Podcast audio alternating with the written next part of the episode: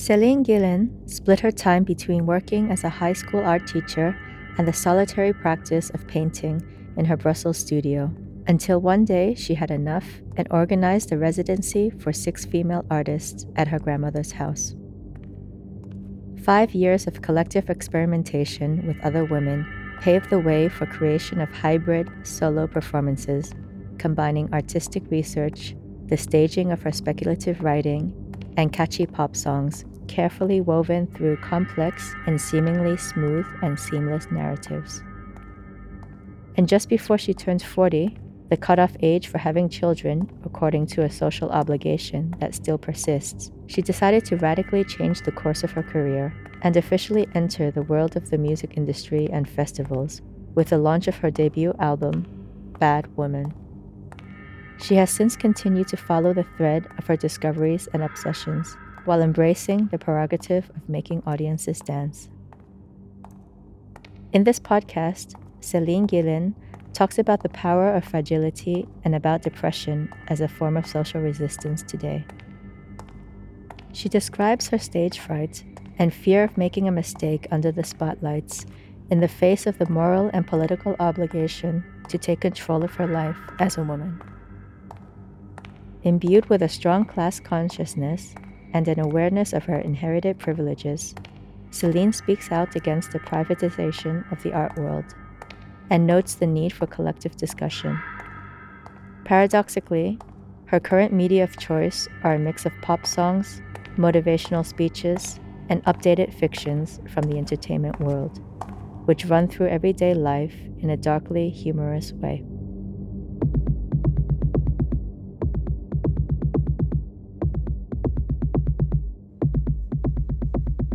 It's not easy to be free, but then it's harder not to be. Don't let them get into your head. You need to give away everything you have. You need to give away everything you have.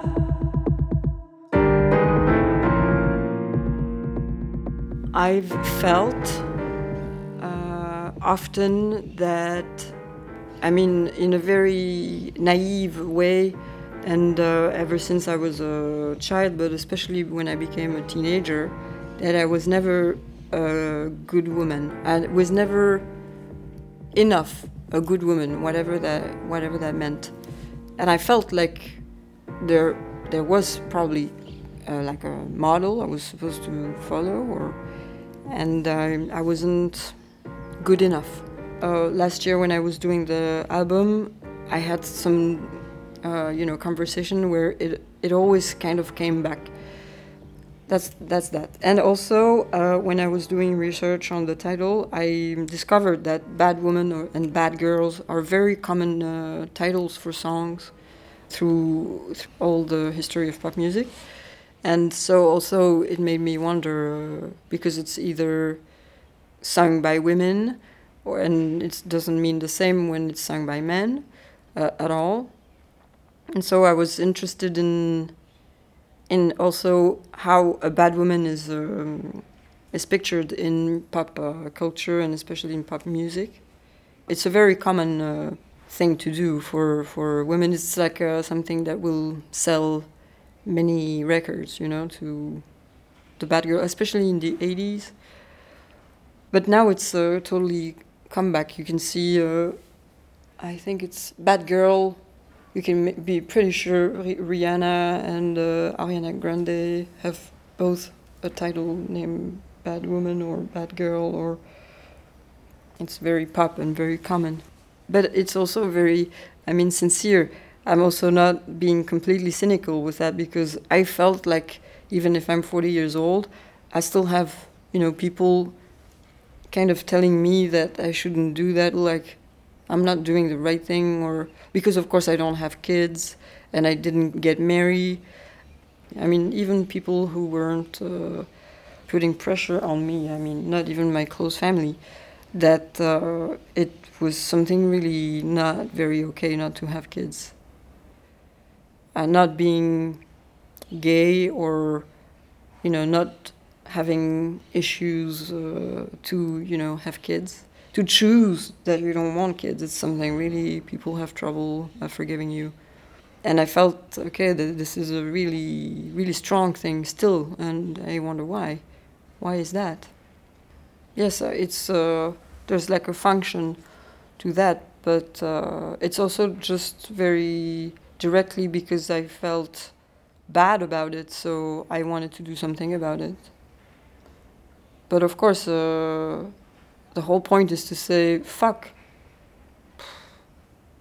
I'm gonna do a record instead, you know?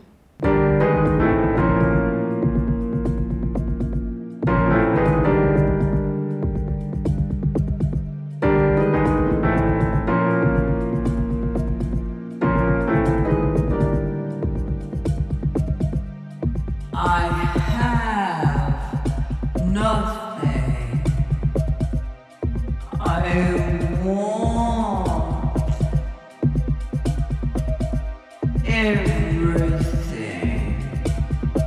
I have felt for a long time when I was an art student, and then afterwards I, I started teaching with uh, in high schools in Belgium, like uh, what we call professional art schools, which are uh, quite difficult contexts. And it took me like all my energy. At some point, I I couldn't do anything else. So for for for a few years, I think like five years after I graduated, I was only teaching because it was so overwhelming and uh, also I came from that privileged uh, status of uh, being an art student to suddenly be in the uh, reality of the the, um, the the work and people just working and having to pay your bills and stuff like that. All of a sudden, I was completely projected in that uh, reality, and I couldn't. Um, just continue to go uh, in my studio and do my little drawings, and suddenly it just seemed very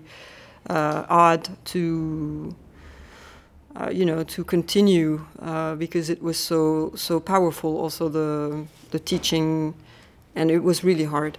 And then, uh, but I, I always thought I was I was an artist and I had things to to say, but when I graduated, I just for a while didn't do anything anymore because I, I thought I'd, I just had to be in the reality. Well, I didn't choose that. I had to find a work right away when I graduated. and when I was a student, I was already working, but it's not the same. And so, of course, all that uh, period, the the moment I graduated, to you know getting used to a real life. Uh, a real life is for me something where you have to work to pay your bills. Uh, you have to uh, you, you can't just you know make art and yeah you have to um, earn some money to survive I, I was in a survival mode i'm still in a survival mode but um, that was very for me very important to realize that that uh, doing art is like a privileged uh, position and i just couldn't anymore. So little by little I just still continued to paint in my studio and felt it was also that at some point also in my um, career as a teacher, I realized that uh, among the students and among uh, meetings with my colleagues, uh, us women were always on, kind of on the side or not really taking part part in the um, power decisions and uh, being always and in the school in the school I teach in, there are most uh, most students are uh, women. Well, it's like a majority, but still, uh, boys. I say boys because it's easier.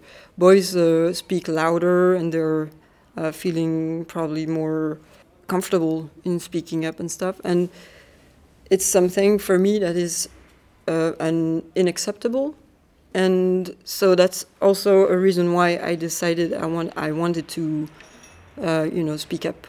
It's not only that I decided; it's for me it became like an obligation. Uh, also because um, I don't have children, but I feel very, I feel it's like a mission towards uh, little girls. Today I have two nieces. Um, they are still children, so at some point I'm like I have, I have to speak up. I have to do something with myself, with my brain, and and uh, even if I'm afraid, even if I'm terrorized and I just am petrified with fear, uh, I still will do it.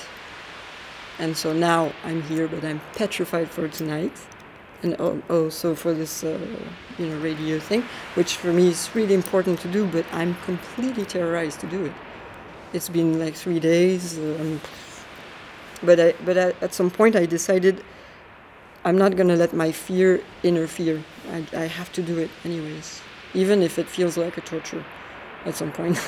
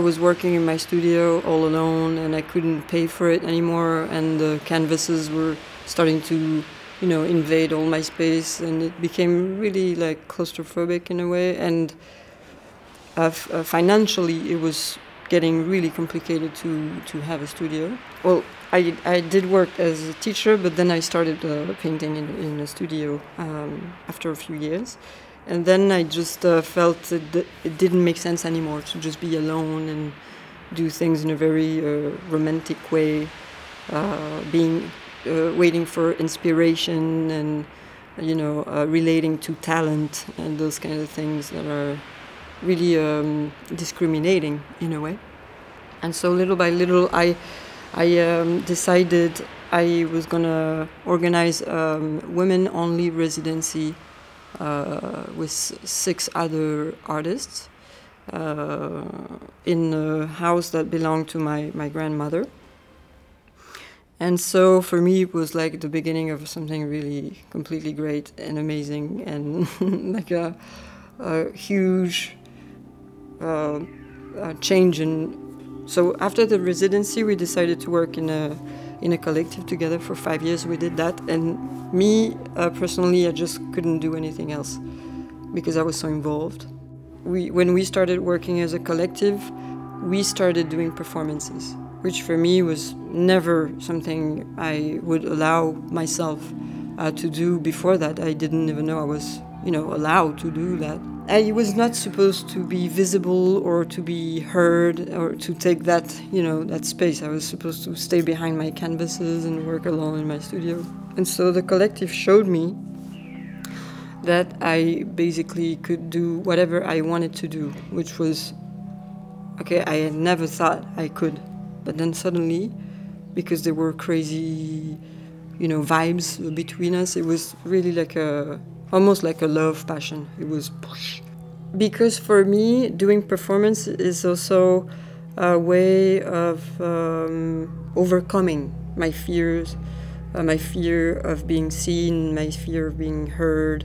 Uh, I mean, as a person, but also I know that I have those fears because I'm a woman, and I was not supposed to be, you know, taking that that that place. And uh, and for me, it's it's also like a mission that that is uh, not only mine. I know mm, a lot of women who are actually uh, really afraid of being heard or being seen, and uh, being being in a collective was another kind of strategy, uh, not to be seen or heard. We did concerts, but we weren't musicians, so it was more like a fake concerts or fake conferences or fake uh, it was also very hybrid. And I don't know what I put in the collective because now I totally do that, but I, I wonder if I stole from the collective or if I did in the first place, you know, um, put those ideas. Mm, probably it's a little bit of both. But um, ah yes, so it was, it was crazy. It was kind of like that, but in a punk way. So it was never uh, very controlled or very rehearsed. It was like okay, we had like a frame, and then pff, it became explosive, and it was not technically it wasn't very precise, and I wanted I wanted it to be really precise and very controlled and very. Uh, not the improvisation for me is like the worst thing ever. It makes me completely sick. and it was totally improvised at some point, and for me, it was really not my thing. So that's when I thought, okay, maybe um, I can do something very controlled, uh, you know, just on my own and do exactly what I want to do. Because after working five years in a collective, at some point I decided, okay, I don't, I don't want to do that anymore. I really just want to do my stuff. And still, people ask me often, do you want to do collaborations and stuff like that? And I'm, I'm like, no, I don't want to do that anymore. Which is not, I'm not like of course I, I want to you know uh, work with people interesting and stuff but I don't want to seek collaboration uh, necessarily. And at some point I realized that, that uh, but it was like a, a, first step a very important step and I wanted to express my ideas and not hide behind uh, the others. Because I always come back to that idea that uh, even if I don't think I'm allowed, even if I'm scared, even if I feel very fragile, I still have to do it. And it's the same package. I, I just now I, I know that I have to do it. I have to, you know, uh, take that risk.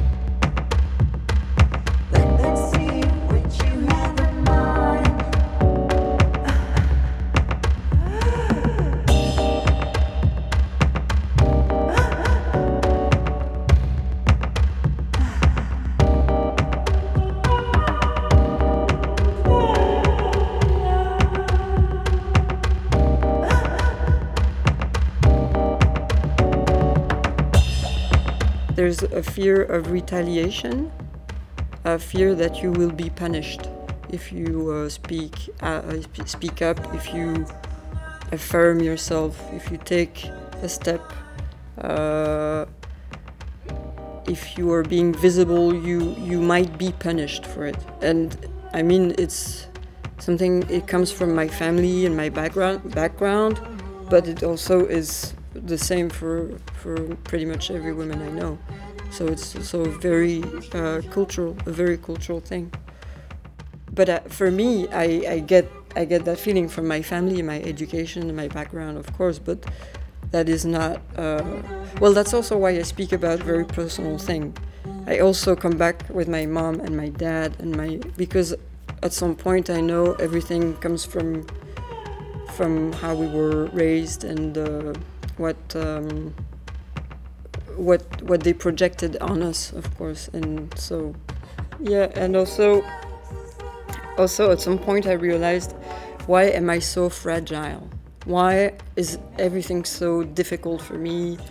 I mean, physically, mentally, and at some point I, I realized, okay, I'm such a cliche of white fragility. I'm, everything is so hard, and everyone needs to know how hard it is. And now I just have to do it. I, ju- I have to face it, and I shouldn't complain about it too much. But it's a good occasion to, you know, talk about all that, and also because I come from a petit bourgeois background, which uh, women were always a little bit uh, sick or you know very tired and they couldn't work and uh, i mean my grandmother my grandmother's it was like that so it's not very far from me but then i didn't choose my background but in a, in, in a way i'm still responsible um, for it and i don't i don't want i don't want my background and all my privileges to uh, well, whatever my privileges are, I want to be uh, capable of talking about them, and everything should be talked about. I mean, also the, the risk, and that's why also I'm uh, very scared, is that I might say something wrong. I might be wrong, which is something we are less and less allowed to, to do, being wrong. Um, especially when we are recorded and put online because it stays, it's written forever. Uh, so it's also one thing that is for me very very scary. But in a, in a way, if I choose to do performances, I choose that I, I'm potentially uh, wrong and it's okay because at some point I might be able to talk with people and you know change my mind. I, I want to change my mind. I want to change what what my I want to be influenced by others and. Uh, even though I don't want to collaborate, but um, you know what I mean. The fear of being wrong is uh, of making a mistake, of saying something and then you know regretting it. That's also why I control so much everything I do because I want to m- be absolutely sure that what I'm saying uh, is something I believe in. Control, control, control. Yeah, yeah, yeah. Control. Um, I was thinking about that the other day. Is I feel I have felt uh, I had very little control over my life for a long time, for pretty much all my life. Like I was not deciding where I was gonna live, what job I was gonna, you know, have where I was going. I, I had the feeling that I was not um, that w- that I was powerless.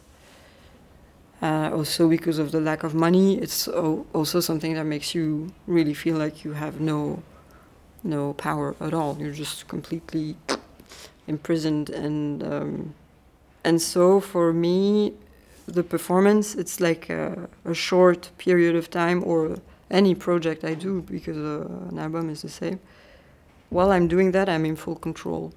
But then, I mean, in my life, I don't have that. So that's why it's so important for me to be able to do that, you know?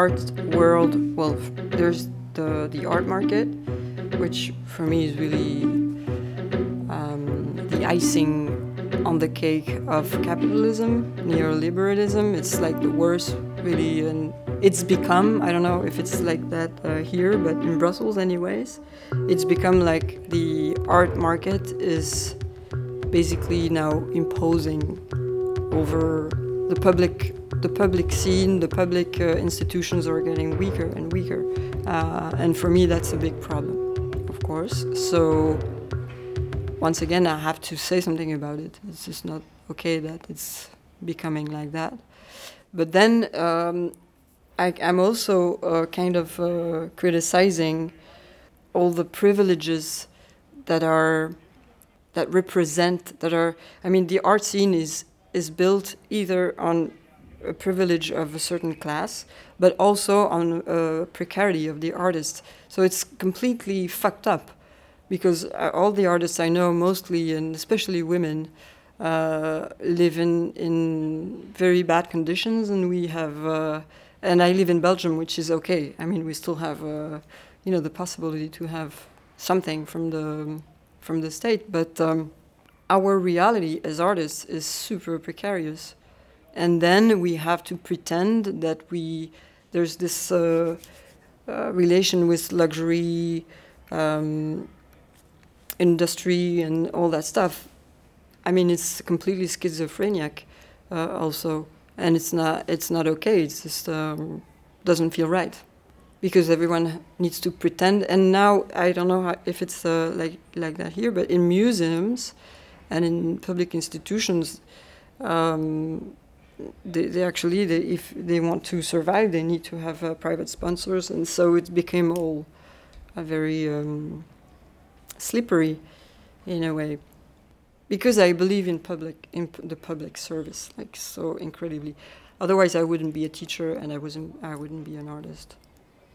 And it's getting weaker and weaker everywhere. So.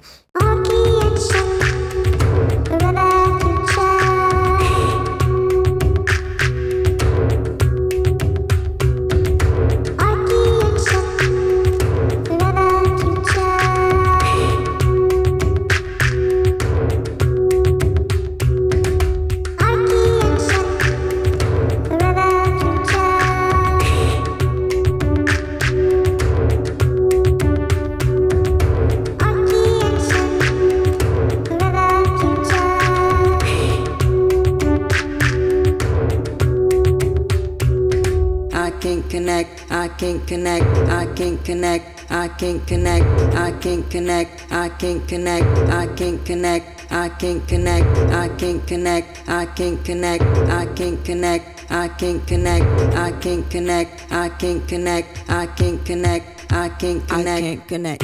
For me, the interesting thing about the music industry, because it's very clearly an industry, uh, is that you are working with people and you are identified as someone who has, um, I don't know how to say the word in English, but in French we say a métier.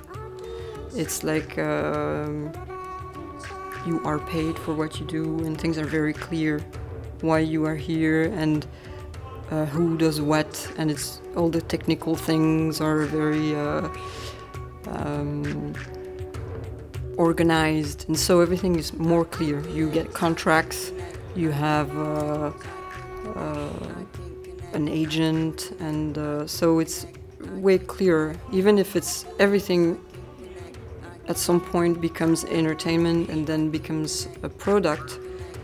Uh, the thing is, it's very clearly said, and it's a very clear frame, which for me is uh, less hypocritical than in the art world, for instance. Uh, so I'm just at, at, the moment I'm experimenting and trying to fit in, and I don't fit in. um, so I try to find ways to not fit in completely, but still adapt and understand how I can change things from the inside. But it's also, also very complicated, and it's just the beginning. So I don't know, but I've. Uh, I've experienced uh, playing in a festival and stuff like that, which is something really, really scary. Also, because you are in the entertainment business, and so people uh, expect from you that you are going to entertain them, which is super weird because in the art it's not like that. And uh, at some point, uh, I mean, if it's late at night, people can become really aggressive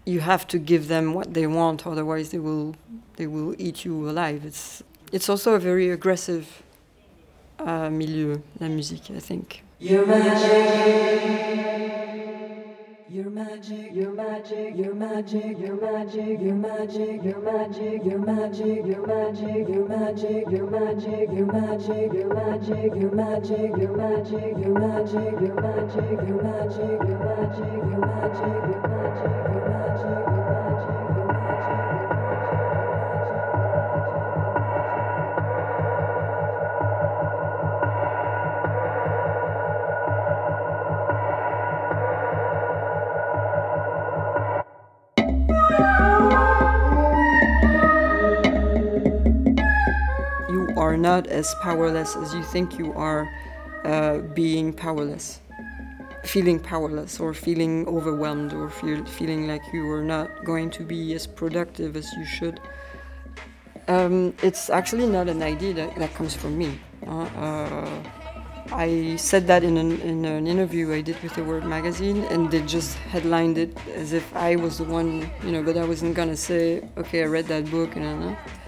So it's um, it comes from uh, Bifo, Franco Berardi. Um, so which is uh, very someone really important to me, as I mean as a as an in, intellectual guide, and uh, I loved that idea that. Um, that depression is a form of resistance. It, it, it, comes from him. It's really just a, a whole book he wrote on the subject and that um, um, that something is just not. It's like the the migraine. There's something going wrong. There's something, and maybe there's something we should understand about. Um, I, I mean, pain is really not something I.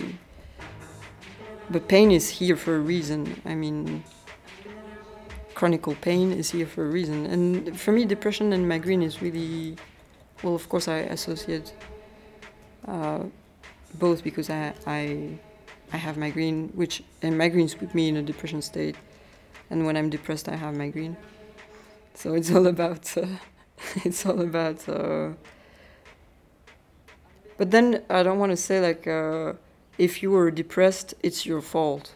You know, it's not that. It's not if you're depressed or, or if you suffer, then you have to understand because you create the, the suffering. It's not that easy, of course. But uh, I want to believe that there is something to understand from uh, depression and from pain, I mean, chronic pain, that there's something we should understand. Um, even if there there isn't. Maybe it's my way of coping with the with it, you know. You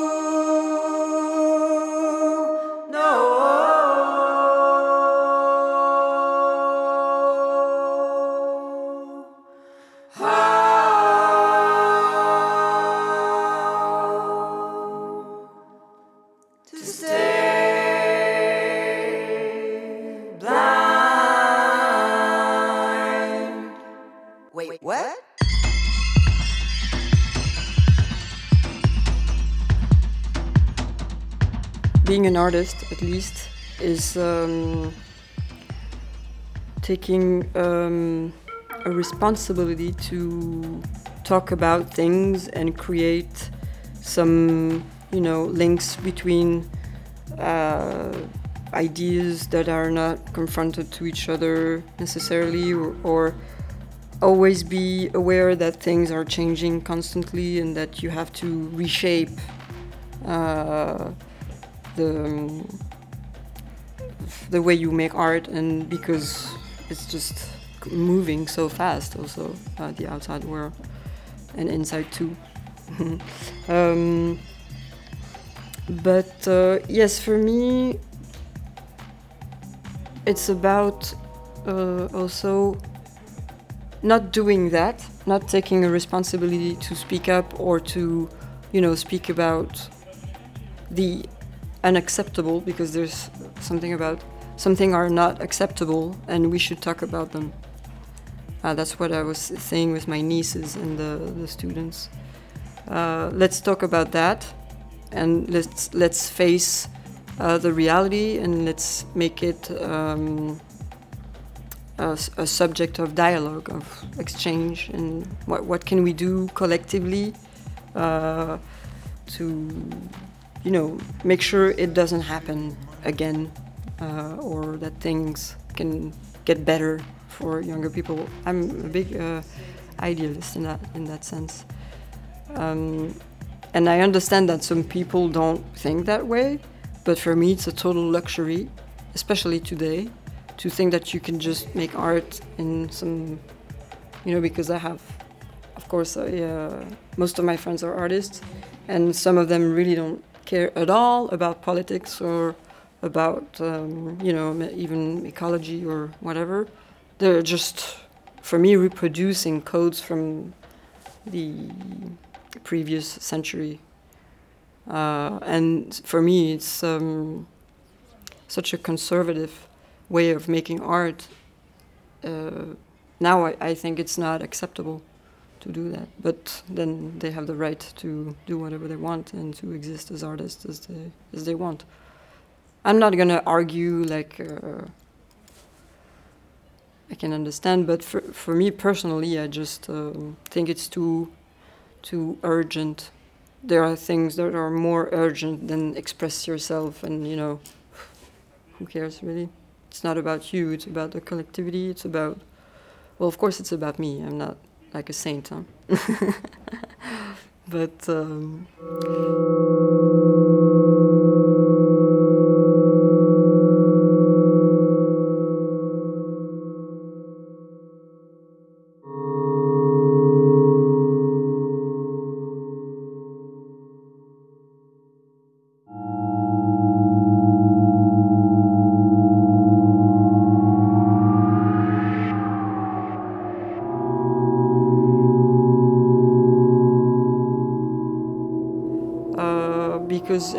so compartmented.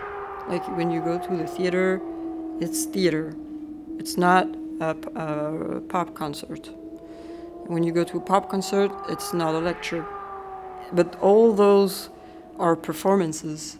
And when you go in the art, uh, it's none of those.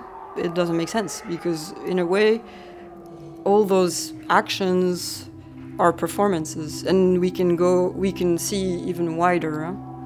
Um, I mean, now with uh, social medias, it's just everywhere. Performance is basically, everyone, everyone's life is a story to tell, uh, literally. So that's, I at some point I also do what I, I wish I could see, and I've never seen those kinds of performance. Now it's it's uh, now of course I'm I'm being, uh, I'm meeting people and being in contact with practices that are around those questions too, which is super great. But uh, when I started, I didn't, I didn't know.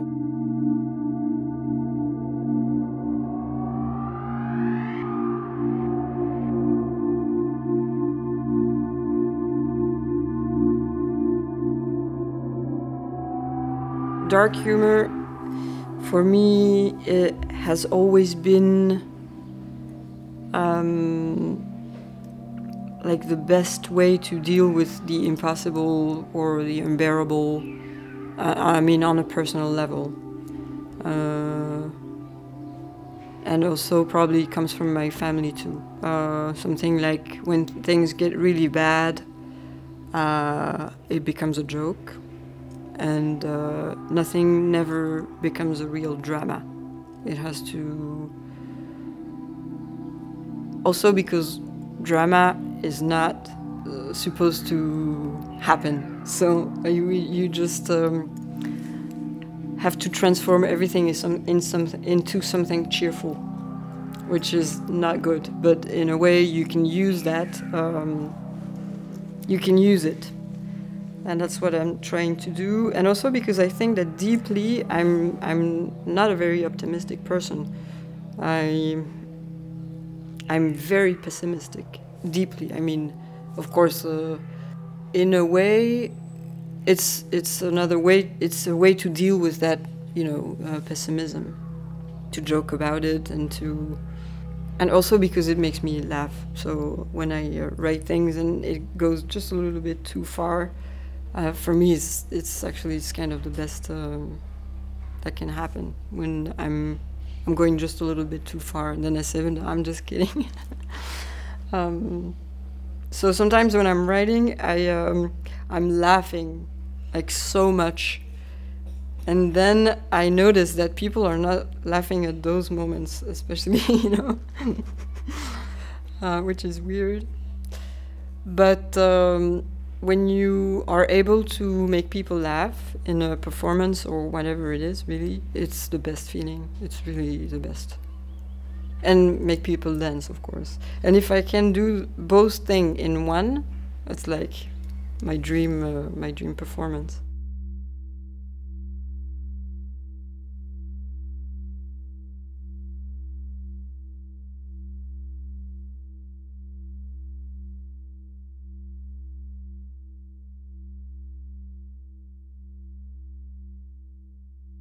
It has to be entertaining and pleasant and um, cheerful, but then at some point it um, it should just not be that anymore. You know, it it has to be something just in between, something that is because I'm not going to do something that will put people in a place where it's actually really painful. You know, I I regularly see concerts that are super super loud and that put people in very very extreme conditions that I don't do that anymore but uh, but I'm never going to do that. I want the sound to sound good. I want people to feel good. It's never too long. It's always like super short and because I know that people at some point uh, are sick of being seated or you know I, I think about that because also me as a, as a spectator I don't I don't like to be feeling uncomfortable or to be seated like an hour and a half. It's just uh, not. Um, so anyway, so the discomfort comes. Maybe it's a little pervert. I don't know, but it's like um, I want to be using seduc- seduction techniques to create a, for- a form of uh, questioning that is not so uh, comfortable, but that is brought in in a very gentle way. I don't want to to be aggressive with with the audience. I just hate that. I don't want to do that at all. But um, but but still create uh, a form of debate or discomfort. Yeah.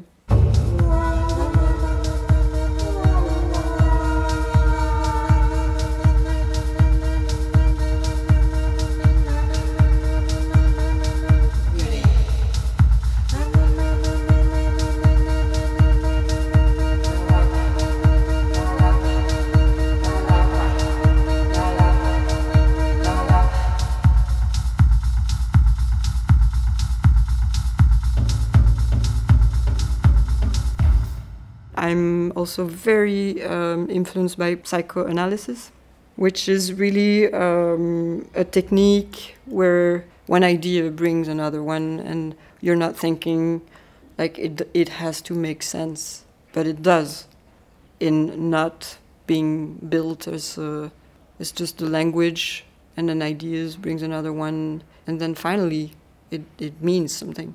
It's something I'm really interested in and that I've uh, been studying and uh, well not studying at university but i've been reading a lot about that. So it's it's the way uh, the meaning is constructed with language and how you can listen to your inner voices that are saying sometimes really i mean nonsense things and how those different voices have to you know find ways to find compromises in that, and also the feminist sci-fi, fem, feminist uh, science fiction that uh, that is really something I, I love uh, in literature, especially the uh, American feminist uh, writers uh, from the 70s and 80s, which is like for me a huge influence, like Joanna Russ or Ursula Le Guin which are like two authors I, I love.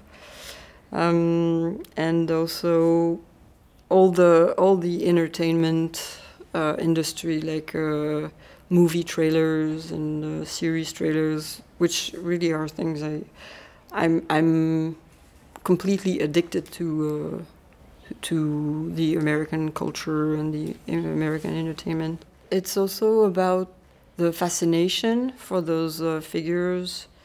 I mean, whether it's Marilyn Monroe or Charles Darwin, they're both like pop stars in a way.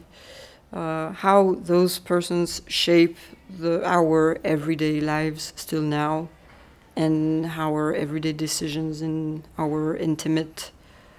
For me, I mean, all those figures are omnipresent. It's always there.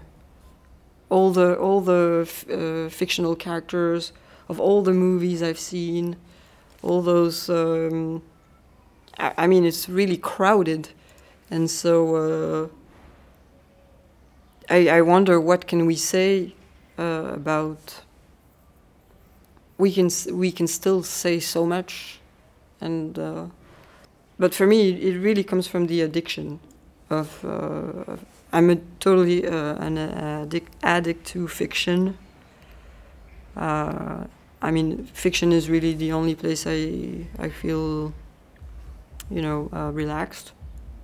So it's also I'm trying to use those addictions and those um, voices in my head, all the things that are polluting my my, and do something about them, you know, and make make sense, make uh, create, try to create some kind of meaning.